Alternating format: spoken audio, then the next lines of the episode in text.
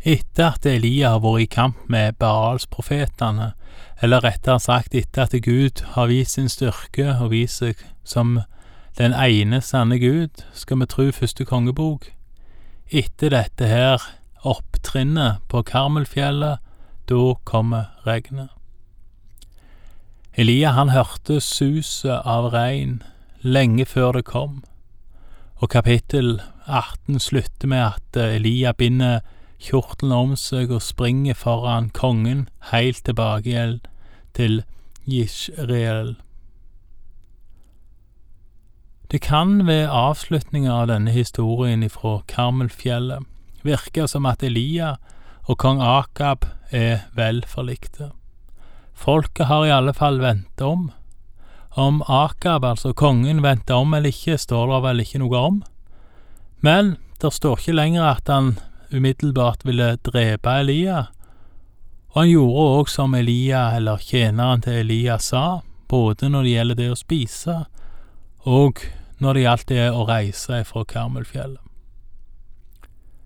Og kapittel 18 slutter med at Elia springer foran kongen, springer foran kong Akab til Jishreel. Når kongen kommer tilbake igjen, eller kommer hjem til kona si, til Jesabel, så forteller han om det Elia har gjort, som vel er å drepe det meste av hennes Baals profeter. Da er ikke stemningen så veldig fredelig lenger. Vi leser fra første kongebok, kapittel 19, vers 1. Ahab fortalte Jesabel om alt det Elia hadde gjort, og hvordan han hadde drept alle profetene med sverd. Da sendte hun en mann til Elia med dette bud. Måtte gudene la det gå meg ille både nå og siden, om jeg ikke i morgen på denne tid lar det gå med ditt liv slik det gikk med profetenes. Da ble Elia redd og skyndte seg av sted for å berge livet. Han kom til Beersheba, som ligger i Juda. Der lot han tjenestegutten sin bli igjen. Selv gikk han en dagsreise ut i ørkenen. Han kom til en gyvelbusk, satte seg under den og ba om å få dø. Nå er det nok, Herre, sa han. Ta mitt liv, for jeg er ikke bedre enn fedrene mine. Det er noen veldige svingninger i profeten Elias sitt liv. Han virker uredd når han går i kamp mot Baals-profetene, han spotter de faktisk med å lure på om guden deres har falt i søvn, eller om han er på reise. Og i møte med Akab etterpå virker han uredd, og han forteller kongen hva kongen skal gjøre. Og Elia profeterer regn, han sier at han hører suset av regn før skya er blitt så stor som en knyttneve. Men nå har det snudd. Nå har det snudd helt om. Elia blir trua på livet av dronning Jesabel, og han flykter helt ned til Juda. Når Israel beskrives eller defineres, og da mener jeg før delinga, når det var hele landet, så blir det ofte gjort som landet imellom Dan i nord og Bersheba i sør. Nå har altså Elia flykta heilt til denne sørlige byen i Sørriket i Judeariket, og ikke bare det, han har forlatt tjeneren sin der, han har gått ei dagsreis inn i ørkenen. Elia er nå en redd mann på flukt, og hans oppførsel står i veldig kontrast til hans oppførsel tidligere, trolig bare noen dager før. Elia, den store profeten ifra Karmelfjellet, han ligger under en busk, og han ber om å få dø. Vi leser videre fra vers fem. Så la han seg ned og sovnet under gyvelbusken. I det samme rørte en engel ved ham og sa, Stå opp og spis. Og da han så seg om, fikk han øye på en brødleiv, bakt på glødende steiner og en krukke med vann ved hodet sitt.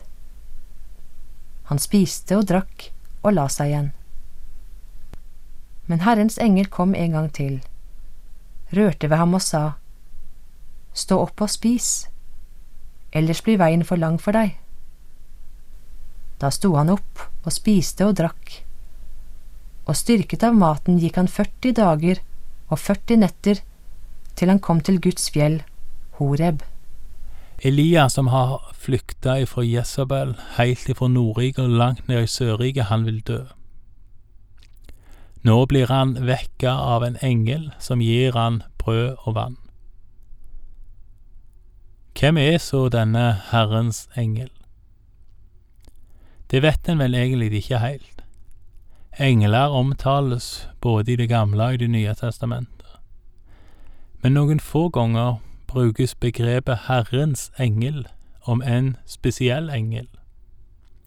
Og Noen av disse gangene, faktisk flere av de, i Det gamle testamentet så er det vanskelig å forstå skillet imellom Herren, altså Herren sjøl, og Herrens engel, fordi disse to begreper brukes om hverandre. Flere har gjennom tida hevda nettopp dette, at grunnen til at de brukes om hverandre, er at Herrens engel er Gud, Herrens engel er Herren. Og er det nettopp denne Herre Jesus, før han blir født, som her møter Elia, så er jo det viktig å få med seg. Og er det sånn at det var Herren sjøl, altså personen Jesus, del av guddommen, som sjøl var der og tjente Elia, så kjente jo de en annen når Elia og Jesus traff hverandre på Forklarelsens berg mange år seinere.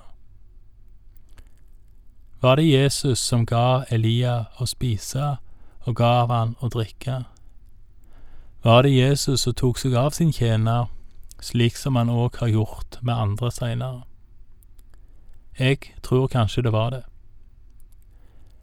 Uansett, styrka på dette vann og brød ifra livets herre så går Elia i 40 dager og 40 netter heilt til Herrens fjell, til Horeb, og kalt Sina i fjellet.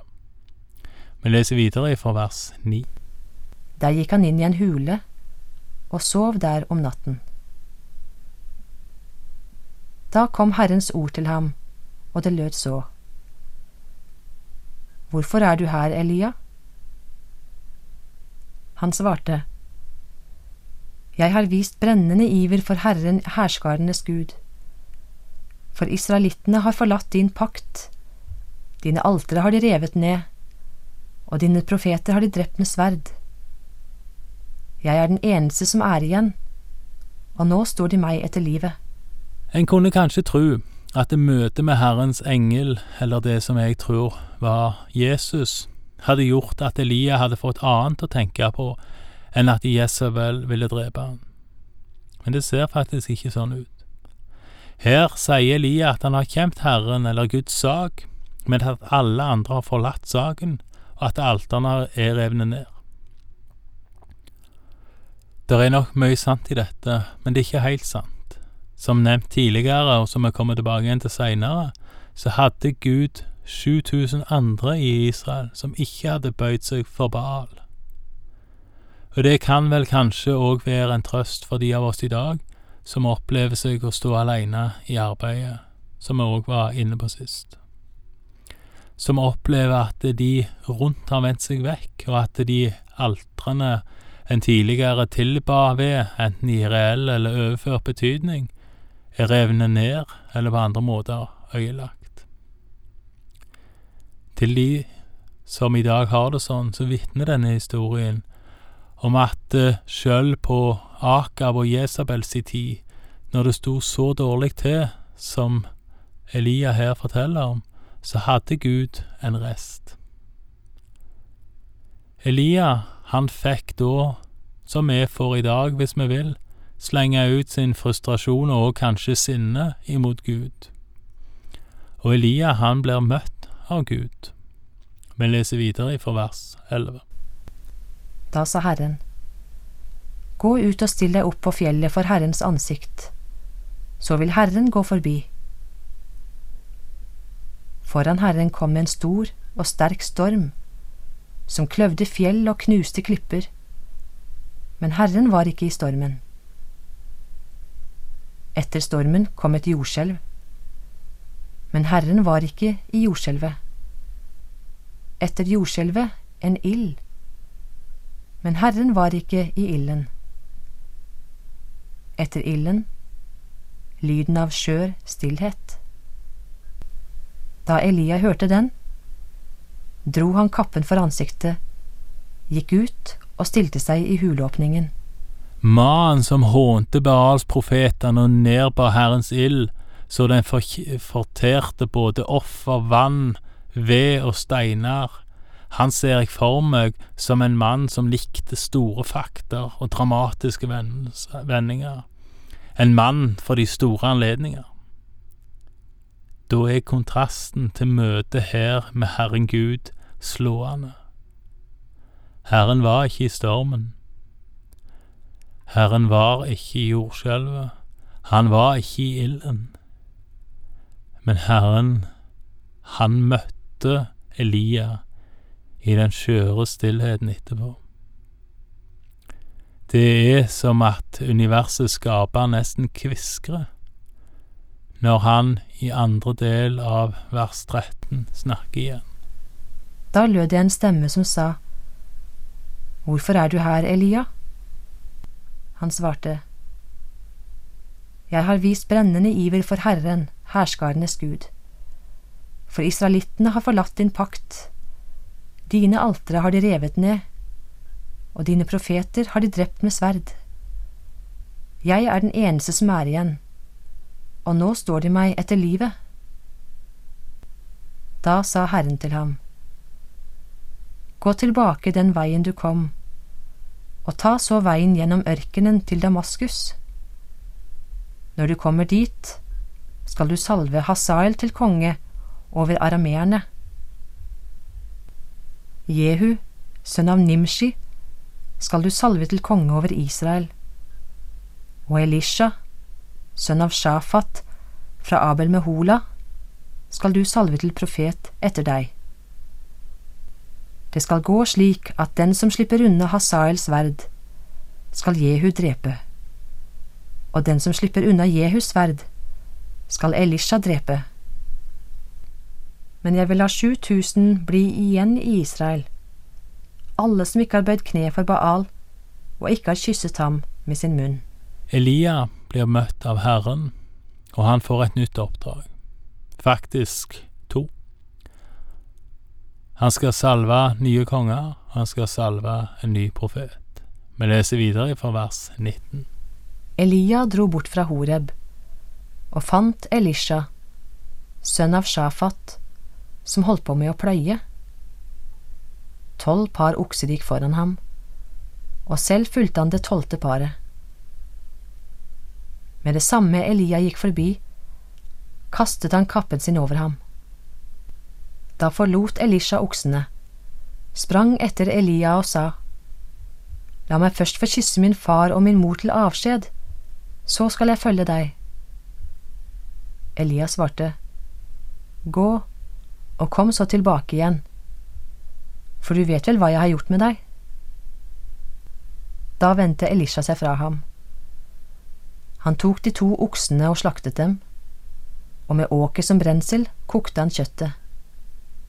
Det ga han til folket, og de spiste. Så reiste han seg og fulgte Elia som hans tjener.